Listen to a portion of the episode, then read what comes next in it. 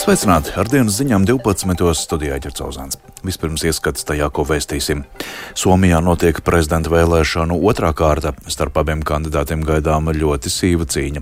Krievijas droni posta Ukrainas dienvidus. Valsts apmaksātas higiēnas preces Latvijas skolās varētu būt pieejamas no nākamā gada, turpina aprēķināt izmaksas. Bertāns veiksmīgi debitē jaunajā NBA komandā, Bendika un Rastor Gujovs pasaules biatlona čempionātā startē iedzīšanā. Par šiem un citiem tematiem turpinājumā plašāk.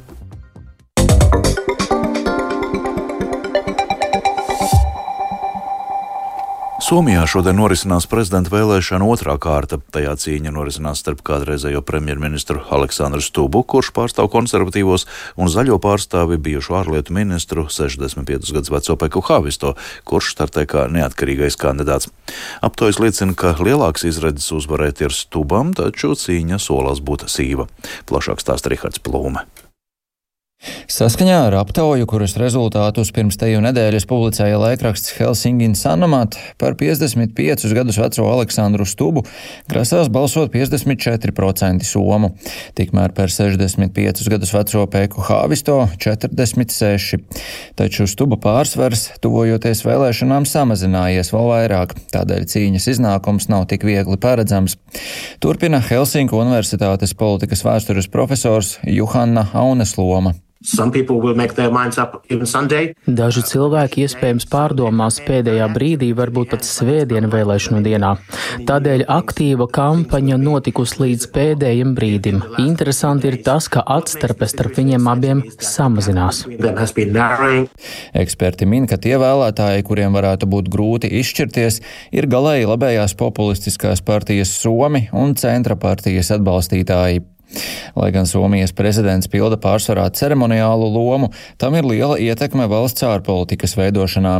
Nākamajam prezidentam, kurš kļūs arī par armijas virspavēlnieku, nāksies rūpēties par jauno Helsinku vietu Eiropā pēc pievienošanās NATO.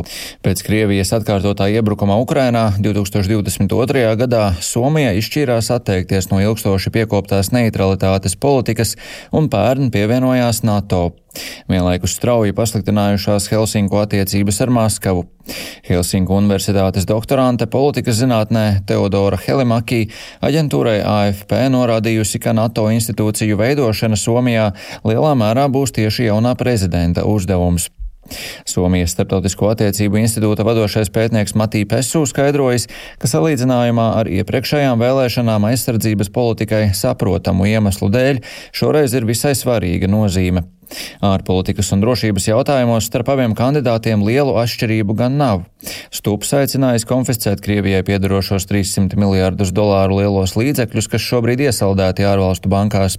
Savukārt Hāvis to uzsvēris, ka Krievijai jāpakļauj vēl stingrākām sankcijām, piebilstot, ka pēc kara beigām Maskavai būs jāsamaksā reparācijas par visu, ko tā sagrāvusi. Tomēr starp abiem kandidātiem ir zināmas domstarpības dažos mazāk nozīmīgos jautājumos, piemēram par to, vai pieļaujama kodolieroču izvietošana Somijā. Pret to iebilst Hāvisto, kamēr Stups uzskata, ka nevienu no iespējām nevajadzētu priekšlaicīgi noraidīt. Ņemot vērā to, ka starp abiem nav nopietnu domstarpību ārpolitikā, vēlētāji savu lēmumu varētu pieņemt pamatojoties uz savām politiskajām simpātijām. Rihards Plūme, Latvijas radio. Krievijas droni aizvadītajā naktī masveidā uzbrukuši Ukrainas dienvidiem un vairāk nekā 5 stundas ilgajā uzbrukumā nodarīti postījumi agrorūpniecības infrastruktūrai, dzīvojamām mājām un gāzes vadam, tā pavēstīja Ukrainas bruņoties spēki. Tie ziņo, ziņoja, ka ienaidnieku prioritāte atkal bijusi piekrastes infrastruktūras josla un agrorūpniecības objekti. Miklājevā kādā agrorūpniecības objektā drona trāpījuma dēļ izcēlies ugunsgrēks, sprādzienu vilnas sapostījis blakus esošās dzīvojamās mājas, vietējo iedzīvotāju privātu privātos transporta līdzekļus un gāzes vadu. Pēc sākotnējas informācijas ievainots viens civiliedzīvotājs. Ukrainas pretgaisa aizsardzība notriekusi 40 no 45 droniem šahed, ko naktī Krievija raidīja pret mērķiem Ukrainā. No tiem 18 droni notriekti virs Mikolājevas apgabala.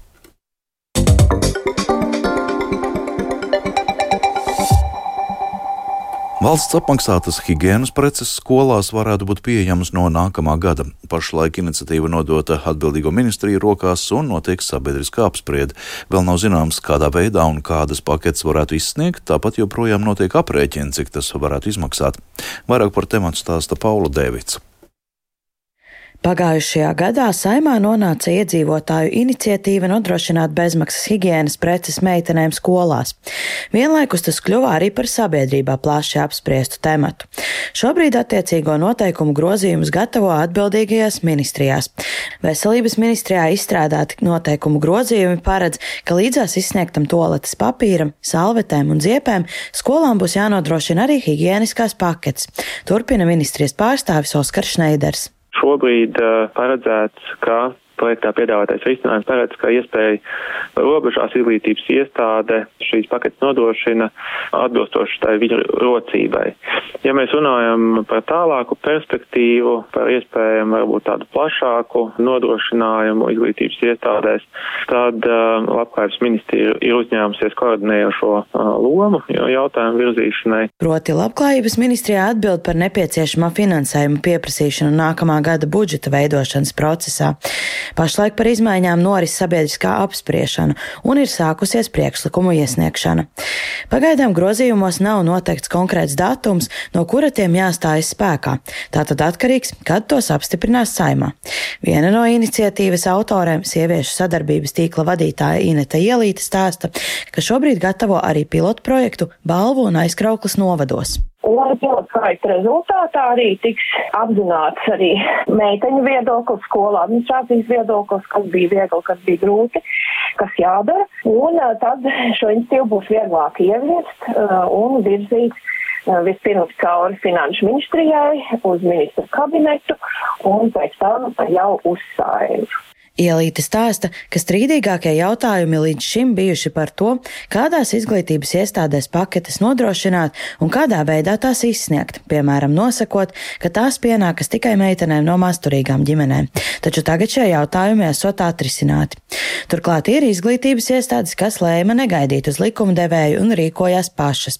Piemēram, Jūrmālas valsts ģimnāzijā šogad visās toaletēs ir pieejamas divu veidu higiēniskās paketes. Tā stāsta direktore Ieva Tarā. Miranda. Un meitenes ļoti labprāt lieto. Un... Mums, protams, radās jautājums ārprāt, kā mums būs, un kurās nesīs ārā pa skolas durvīm un, un taisīs biznesu no tā visa. Nu, tas ir pilnīgi absurdi tā domāt, jo, jo meitenēm tas ir ļoti nepieciešams. Meitenes beigolā neizvēlās to, vai viņām būs eh, šīs eh, ciklu dienas vai nē, tā ir vienkārši fizioloģija. Nu, lūk, un tā mēs tā ļoti laimīgi dzīvojam līdz šai dienai.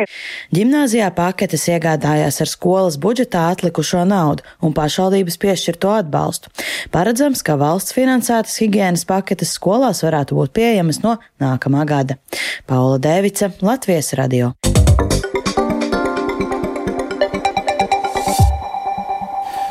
Dāvis Bartāns aizvadītajā naktī veiksmīgi debitēja jaunajā Nacionālās basketbola asociācijas komandā Charlotte Hornets un palīdzēja tai pārtraukt ilgušu zaudējumu sēriju. Vairākas spēles aizvadījuši arī Latvijas spēlētāji Nacionālajā hokeja līgā. Par aktuālo sportā turpina Reinas Grunspeņķis. Dāvi Bērtāna no Oklahoma City Thunder uz Charlottes Hornets aizmainīja spēlētāju pāreju termiņa pēdējā dienā, un šī ir jau viņa piektā komanda NBA karjerā. Thunder komandā Bērtāns šosezon spēlēja ļoti maz, bet sagaidāms, ka Hornets rindās viņa loma kļūs lielāka. Debijas spēlē Bērtāns bija laukumā 11,5 minūtes un trāpīja grozā 3 no 5 tālmetieniem, viņam iekrājot 9 punktus. Tieši Bērtāna trāpītie metieni bija daļa no Hornets izrāviena pirmā puslaika beigās, kas ļāva iegūt pārliecinošu vadību. Visā spēlē Šarlotas Hornets ar 115-106 pārspēja Memphisas Grizzlies un pārtrauca desmit zaudētu spēļu sēriju. Par maiņas darījumu un iejušanos jaunajā komandā turpina Dāvis Bērtāns. Well, really season, uh... Ņemot vērā, ka šo sezonu nebija daudz spēlējis, gaidīju, ka maiņas darījums varētu notikt. Thunders ģenerālmenedžeris Sems Prestīs jau laicīgi man informēja informēja par šādu iespējamību. Tagad esmu šeit, un tas ir bijis ātrs pavērsiens. Pirms šīs maiņas Hornets bija viena no jaunākajām komandām līgā, bet šobrīd klāt nākuši pieci spēlētāji. Ņemot vērā, ka tik daudz pievienojušies komandai nesen, būtu jābūt vieglāk iejusties. Pagājušajā reizē, kad mani sezonas vidū aizmainīja uz Dallasu, nebija viegli pielāgoties, jo bijām tikai divi jaunie. Jo vairāk spēlētāju ir līdzīgā situācijā, jo vieglāk. Nacionālajā hokeja līgā latviešiem aizvadītā spēļu diena izvērtās mazāk sekmīga. Vārdsarga Elvija Meržļikina pārstāvētā Kolumbusas Blue Jackets ar 2-4 piekāpās Tampa Bay Lightning. Meržļikins tika galā ar 33 no 36 pretinieku metieniem, jeb 91,7%. Zaudējums arī Zemgum Girgensonam un viņa Buffalo Sabres ar 1-3 piekāpjoties St. Louis's Blues, kā arī Teodoram Bļugaram un Vancouveras Canucks, kas papildlaikā ar 3-4 atzina Detroitas Red Wings pārākumu.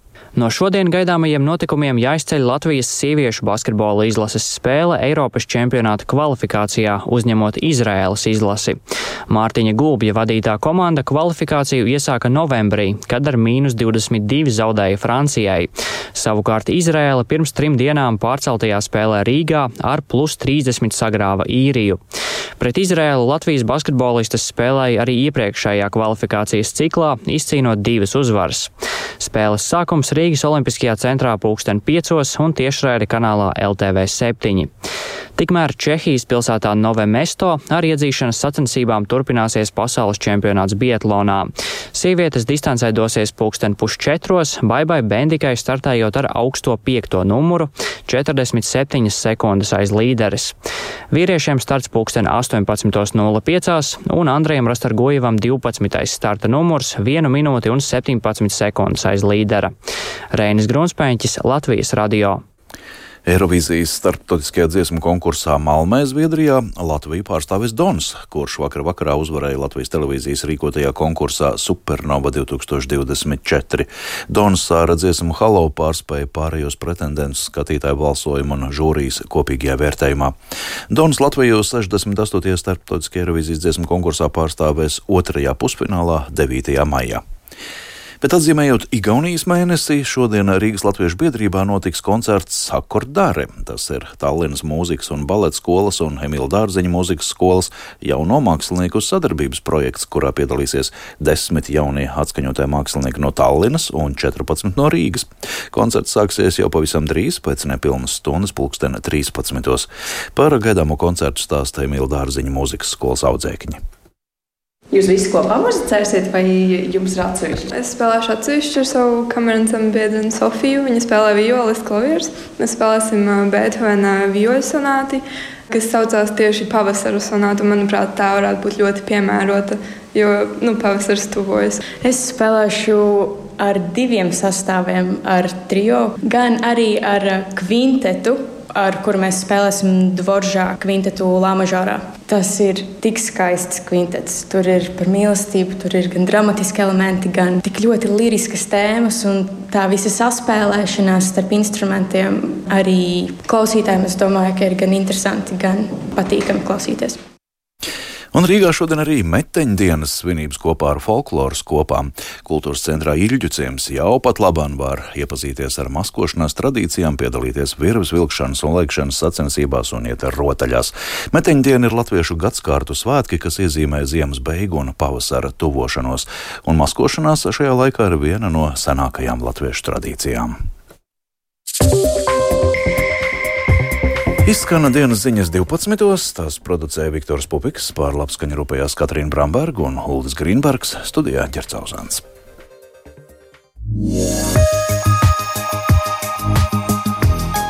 Kā ziņo Latvijas vidas geoloģijas un meteoroloģijas centrs, Rīgā šobrīd - mīnus 1 grāds, dienvidaustrumu vējš 4 m2, atmosfēras spiediens 758 mm, relatīvais mitrums 91%. Šodien Latvijā apmācies, vietām sniegs, arī atkal dažviet veidosies stiprs apladojums, austrumu vējš 3 līdz 8 m2. Gaisa temperatūra dienas gaitā no 1 grāda līdz mīnus 4, galējos ziemeļaustrumos vēsāks, tur mīnus 4. 4,7 grādi. Rīgā apmākusies diena, dienas pirmajā pusē palaikam bija sniegs, arī atkal arī pēcpusdienā vēl ielas un ietvas vietām slidenas, austrumu vējš 3 līdz 7 m2. Gaisa temperatūra šodien galvaspilsētā pa nulli, laika tips ir otrais labvēlīgs.